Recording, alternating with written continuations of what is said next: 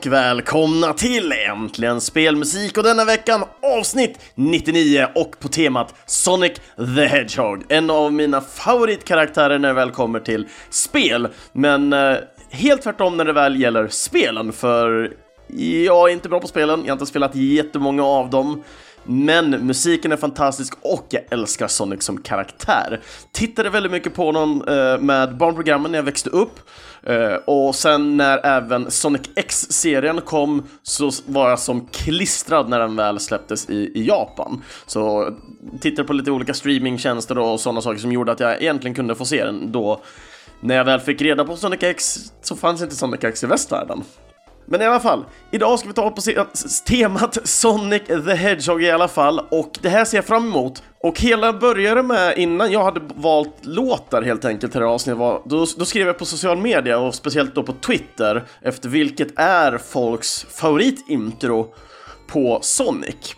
Och speciellt då spelen framförallt. Jag pratar inte om serier nu i och med att det här, det här är ju ändå en, eh, en spelmusikspodcast. Så att eh, första jag fick då var egentligen titellåten, eller titelscreens-låten till Sonic the Hedgehog 2 och det är där vi tar och börjar den här veckan. Så att vi tar och kör en liten ihop snabb mixad del ifrån mig själv här. Sonic the Hedgehog 2, title screen slash Emerald Hill Zone.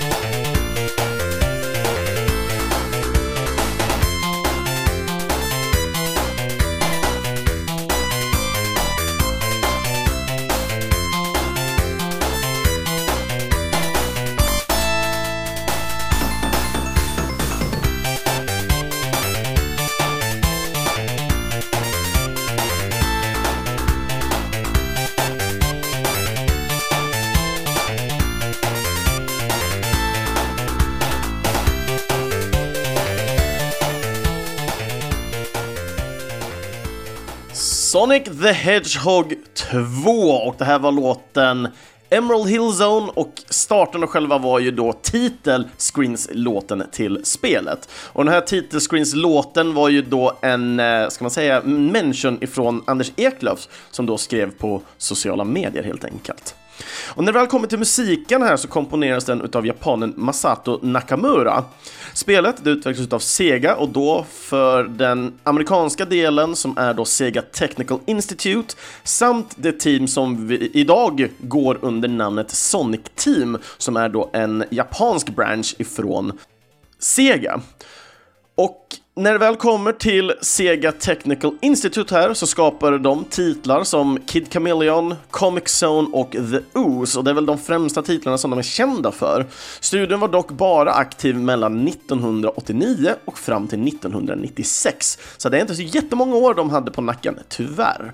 Och flera av huvud, ska man säga, huvudpersonerna i det som var gick och startade en annan studio, men även gick en del andra till Sonic Team sen efter när de väl la ner. Men när det väl kommer till Sonic the Hedgehog 2 i alla fall, så spelet det släpptes först på Genesis, eller Mega Drive som vi känner till den mer som, den 21 november 1992 och detta var då i Japan först och främst. Strax därefter så släpptes även spelet i USA och under december månad släpptes spelet i resten utav världen. Spelet har även fått nedladdningsbara versioner till både mobil, det vill säga Android, iPhone, iPad, de där, eh, PC, men även då Nintendo-enheter. Och på Nintendo-enheterna så är det ju främst eh, Virtual Console som de har släppts och till PC och det så är det ju olika bundles och dylikt som Sonic the Hedgehogs eh, har släppts i. När vi väl pratar om kompositören här, Masato, så han blev utvald, eh, eller ska man säga inte utvald, men han blev vald utav Sega specifikt eh, för att komponera musiken till just detta spelet. Eh, spelets första reveal blev också när de målade helt enkelt arten av Sonic på Masatos bands, ett J-pop-band som heter Dreams Come True och på deras tourbuss då helt enkelt. Masato skapade även musiken till det första Sonic-spelen och planen var att han även skulle göra musiken till Sonic 3. Men på grund av finansiella oklarheter så ledde det till helt enkelt att de fick släppa taget om honom och välja då att gå med inhouse-kompositörer istället. När det väl kommer till Sonic 2, ja, det här är ändå ett spel som jag spelat en hel del i min barndom. Och precis som jag startade med programmet så jag, jag har varit ganska selektiv eh, med Sonic-spel, men just Sonic 1 och 2 är spel som jag spelat rätt mycket ändå ifrån Sonic-serien och jag har ärligt talat mm, så gott som aldrig gillat dem. Av den enkla anledningen att hela karaktären sätts in på att man ska vara snabb, det, det är coolhet och, och attityd. Och jag har aldrig känt något av det här när jag har spelat eh, ett Sonic-spel helt enkelt. Sonic är någonting, spelmässigt sett då, som jag har börjat uppskatta mer på äldre dagar då jag, jag kanske var naiv och, och, och liksom dumsint egentligen när jag var yngre. Men just idag när, kan jag uppskatta det på ett helt annat sätt och jag vet inte om det är på grund av att jag spelar så mycket andra spel, spel som är bättre, sämre, eller bara helt enkelt att jag förstår premissen av vad Sonic är. Att när man väl tittar på folk som har som är duktiga på Sonic, då har de lagt ner enormt mycket tid på spel. Det handlar extremt mycket om trial and error. Framförallt för att kunna ha den här coolhetsfaktorn och skalan. Medan yngre Chris var väl mer inne på att liksom det, här, det här är någonting som per automatik ska finnas i spelet när man bara spelar det och inte är så bra på det. Så att en vacker dag så kanske jag faktiskt ska ta mig an och spela igenom alla de här Sonic-spelen, för de är faktiskt väldigt underbara. Och framförallt, musiken är helt fantastisk. Och valen som jag gjort idag till musiken som är vald, för det första så har jag valt att vilja gå med kanske det som kanske känns lite mer obskyrt av Sonic. Eh, framförallt för att inte bara hänga fram de jättestora titlarna och dylikt, så jag har plockat fram ändå en klassiker som jag startar med och sen resten är nästan mer spin-offs och vad har hänt med Sonic-serien mer? Så att jag tänkte vi tar och rullar vidare som Sonic brukar göra i spelen och köra Sonic the Hedgehog och spin-offen Spinball. Och låten vi ska höra på är Showdown.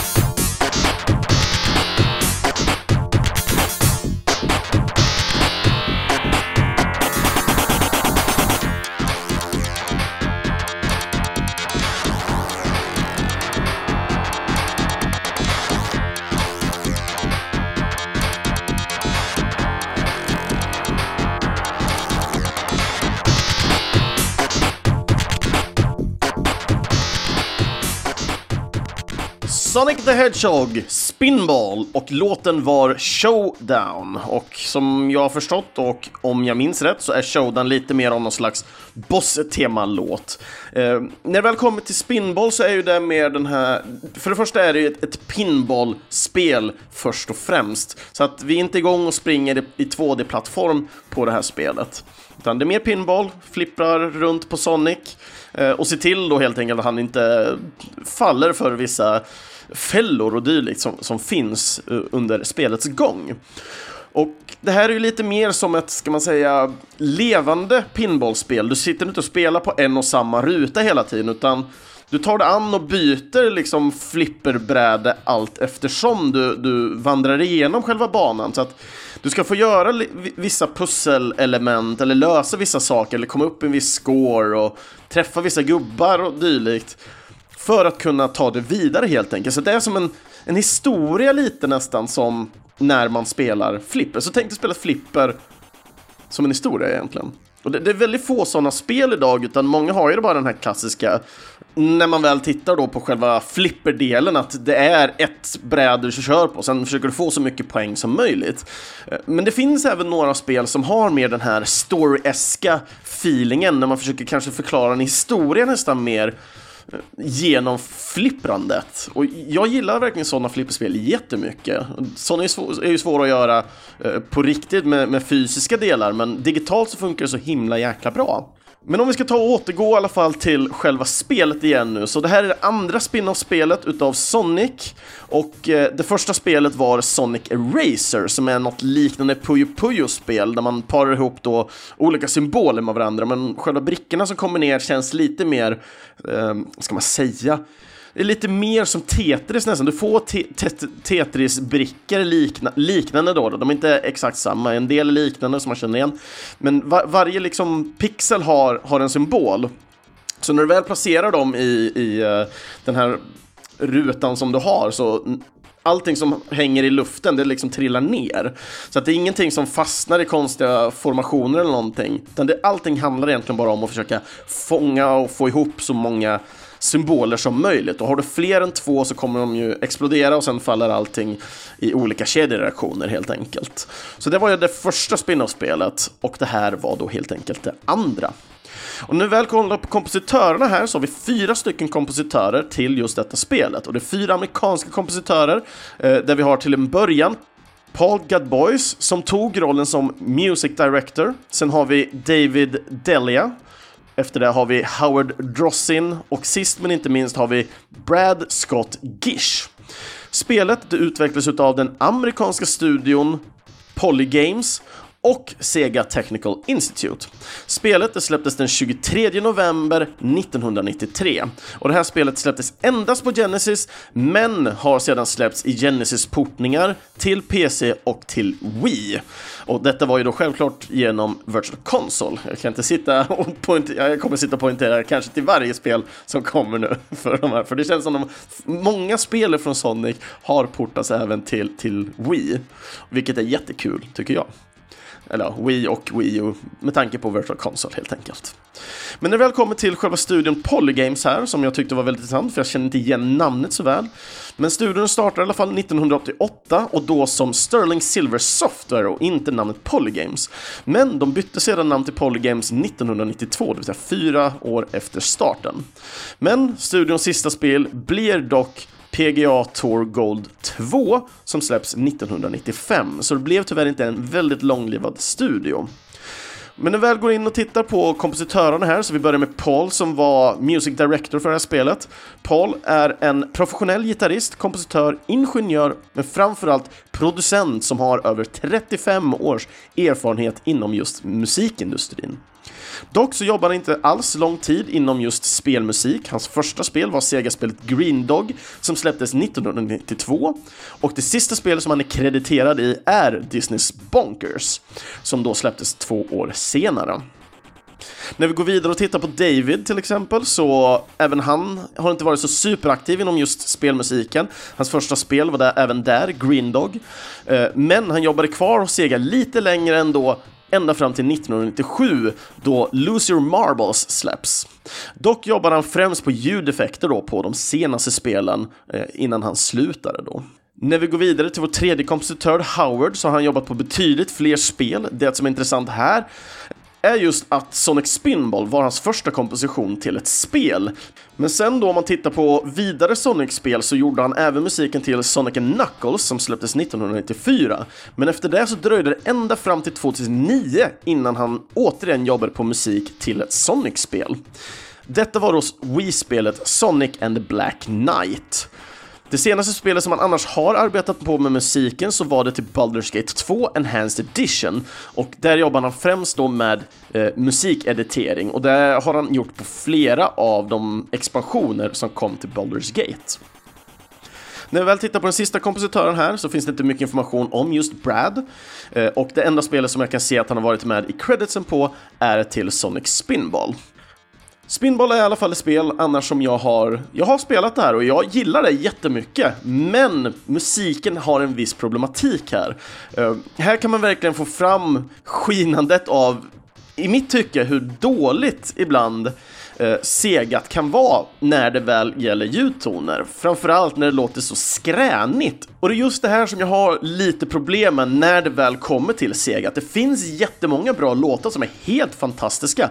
Men sen finns det de här riktigt som bara skär i öronen på mig, vilket jag har starka problem med.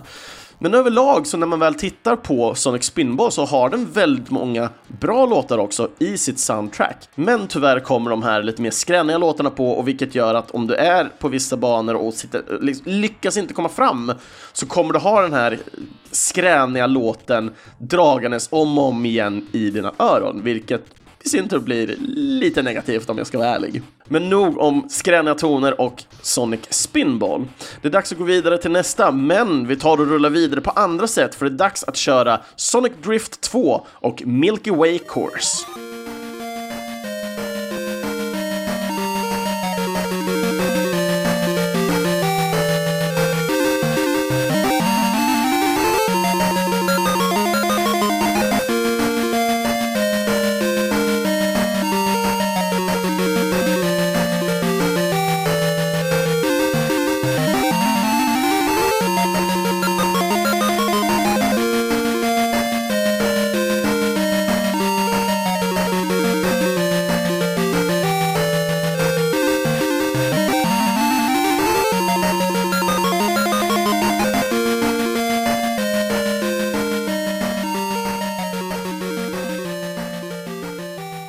Milky Way Course ifrån spelet Sonic Drift 2. Och detta, som ni kanske förstår på titelns namn, är det andra racingspelet.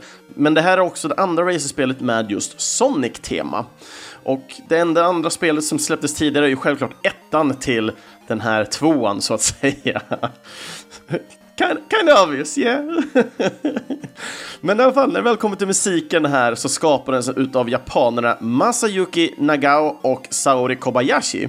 Och spelet utvecklades utav den japanska Sega Enterprises och hade release den 17 mars 1995 och detta i Japan. Och i slutet av året så fick eh, spelet även release i USA. Spelet har då släppts på endast Game Gear, men har sedan även fått en release via Nintendo 3DS och detta även det genom Virtual Console eller e-shoppen. När vi väl tittar på kompositörerna här så Masayukis första komponering var till det spottande apspelet Toki som hade släpp 1991. Han har jobbat på flera Sonic-titlar och eh, det sista spelet som han arbetade på var Eh, Space Invaders Evolution och släpptes 2005. Andra Sonic-titlar som är ändå lite, som jag vill nämna, eh, är Dr. Robotniks Mean Bean Machine, Sonic 2 som då ljudassistent, men även då Sonic and Knuckles. När vi väl går över till den andra kompositören så Saures första spel var ett spel som var baserat på en tv-seriekaraktär, nämligen Inspector Gadget, som då hade release 1993. Han jobbade tillsammans med Sega-kopplade studios fram till år 2002, då han jobbade på musiken till Panzer Dragoon Orta. Och de senaste två spelen som han jobbade på var inte associerade med Sega, men det senaste spelet som släpptes 2013 heter Crimson Dragon. Och spelet ses som en, eller är rättare sagt, en spirituell upp, äh, följeslagare till Panzer Dragoon-serien och då endast i tema som de gillar skriva på eh, medier och dylikt.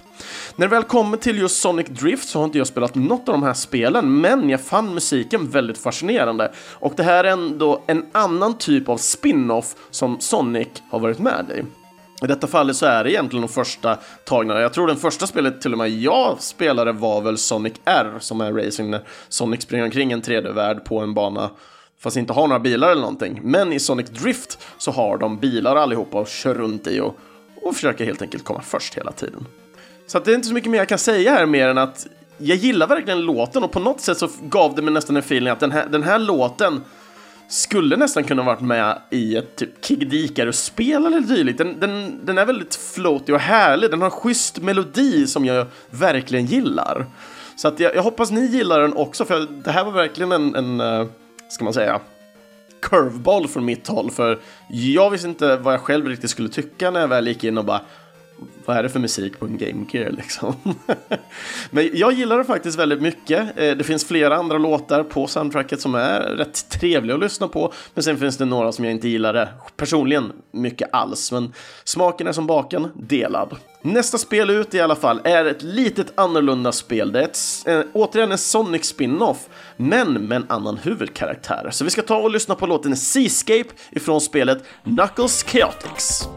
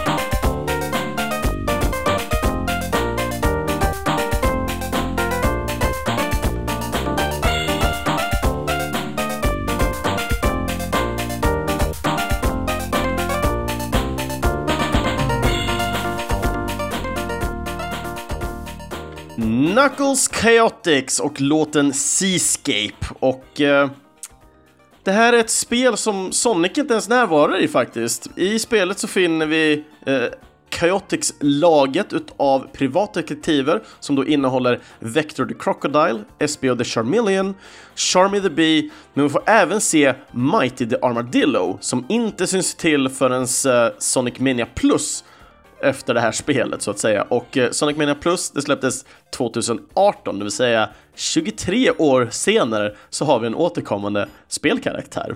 Jättekomiskt och intressant fakta tyckte jag. Men när vi väl kommer till kompositörerna till detta soundtracket så har vi två stycken japanskor. Det är extra kul att se endast kvinnliga kompositörer till ett soundtrack och då inte bara att det är en kvinnlig kompositör för ett soundtrack utan faktiskt två kvinnliga. Och detta är ju då Junko Shiratsu och Mariko Nanba. Spelet utvecklades helt utav eh, japanska Sonic Team och hade release världen över under 1995 och detta på Sega 32X. Junko är främst känd för sin musik till detta spelet, men hon började bara året innan och då på hennes första spel Outrunners. Hennes sista spel var Fantasy Star Universe som hade release 2006 och för att nämna några andra spel som hon varit med och gjort musik till så nämner vi eh, Daytona USA, Panzer Dragoon 2 Svaj och Astro Boy. När vi väl kommer till Mariko så har hon dock jobbat på en hel del musik gentemot Junko.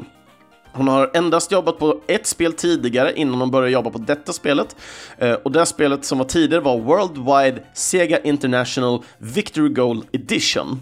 Jättelång titel. Trust me, den var så lång att när jag väl tittade på den sidan jag gjorde så fick inte ens hela titeln plats utan det blev punkt, punkt, punkt. Så jag var tvungen att typ klicka mig in typ två steg till för att kunna se hela titeln.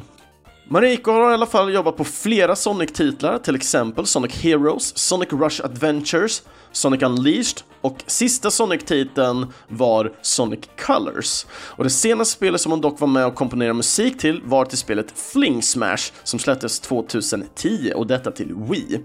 Och återigen så är ju det här ett spel som många troligtvis köpte för att det var en extra Wii-kontroll med. Inte jag som köpte Fling Smash den här gången, precis som samma när vi pratar om Wii Play. Just saying. För att nämna lite i alla fall om just Knuckles Chaotix och hur det spelas så är det återigen likt Sonic-spelen ett 2D-plattformsspel. Men den unika delen med det här spelet är att man springer runt med Knuckles och samtidigt någon annan och man springer med någon slags typ gummiband emellan sig. Själva unika tänket här är att eh, Dr. Robotnik har gjort någonting vajsing Eh, Knuckles ska se till att rädda de här olika karaktärerna som har hamnat i vajsingen.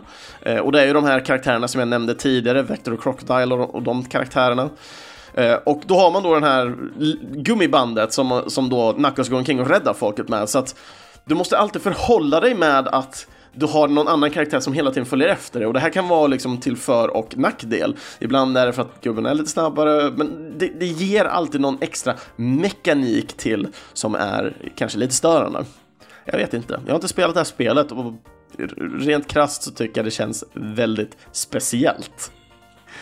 Men i alla fall, vi fick även en önskelåt den här veckan och jag gillar verkligen att vi fick fler önskelåtar för det här är ett spel som jag inte har spelat någonting alls, hade extremt lite koll på. Jag vet att jag varit inne och touchat någon gång med det här, men jag har faktiskt inte lyssnat så jäkla mycket på soundtracket. Så jag får tacka Olol innerligt för att han önskar då musik ifrån Sonic Pocket Adventures och låten som han vill höra är Cosmic Casino Zone Act 1.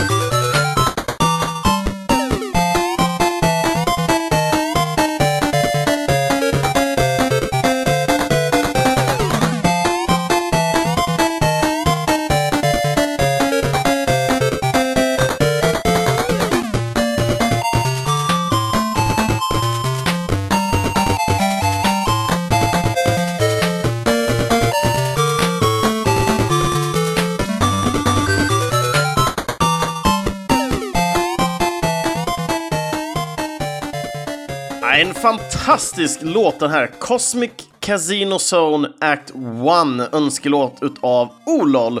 Och spelet är ju då Sonic Pocket Adventures. Och när vi väl tittar på kompositören till detta soundtrack så lyckas jag bara hitta namnet via credits och endast som Maitaro. Så att jag vet ärligt talat inte mycket mer. Det som det, det verkar kunna hitta är dock att han, han är en kompositör och en ljuddesigner som har arbetat, eller arbetar för det japanska SNK. Och spelet det utvecklades även av den japanska studion SNK och eh, hade release då helt enkelt 1999 och detta på Neo Geo Pocket Color. Och spelet det släpptes över hela världen med exkludering i Japan. Och detta var ju då under själva releaseåret, för sen den 25 maj året därefter så fick Japan även det spelet. Och jag gillar verkligen just Eh, låten här, den är tjo och väldigt stämningsfull är den, den är glad, härlig ton. Så jag tycker det var riktigt fantastisk önskelåt det här och jag gillar det enormt. Och som många kanske hängde med här så alla låtar som vi hört idag har faktiskt gått i den ordning som spelen har släppts. Jag ville dra som någon slags röd tråd med hur Sonic och musiken ändå har utvecklats lite. Och som många andra kanske märker så har jag valt aktivt här att även hålla mig på vänstersidan av 2000-strecket. För jag tänkte att det skulle vara jätteintressant att eh, återbesöka Sonic en annan gång och då prata lite mer om, ska man säga, nymoderniseringen utav Sonic när han kommer mycket mer till själva 3D-spacen och dylikt. Så att det här är någonting som kommer vara jättekul och intressant framför allt att utforska senare. Jag, jag har lite svårt att säga exakt vilken som var kanske en favoritlåt för den här veckan, men några starka var just den här låten vi lys lyssnade på precis och låten som vi lyssnade på innan, Seascape. Eh, så jag får väl säga egentligen en kombination av båda två, för båda låtarna var riktigt bra låtar. Men sen fanns det några så här bubblare som, som jag gillade, som, som Milky Course till exempel. Vilken låt var kanske er favorit från det här avsnittet? Eller har ni några andra låtar som ni väldigt gärna vill lyfta fram? Då tycker jag absolut att ni ska ta och skriva dem i kommentarerna. Andra avsnitt i alla fall av Äntligen Spelmusik, ja, de hittar ni på videospelsklubben.se eller i era närmsta podcastapp. Ni får jättegärna följa och kommentera via sociala medier såsom Facebook och Instagram och då söker ni bara på Äntligen Spelmusik så kan ni skriva med mig där. Och för att nå mig, Kristoffer Schenström, skriv då i kommentarsfälten på antingen videospelsklubben.se, Instagram, Facebook eller varför inte joina in i videospelsklubbens egna Discord-kanal? Discord-kanalen och där hittar ni på videospelsklubben.se.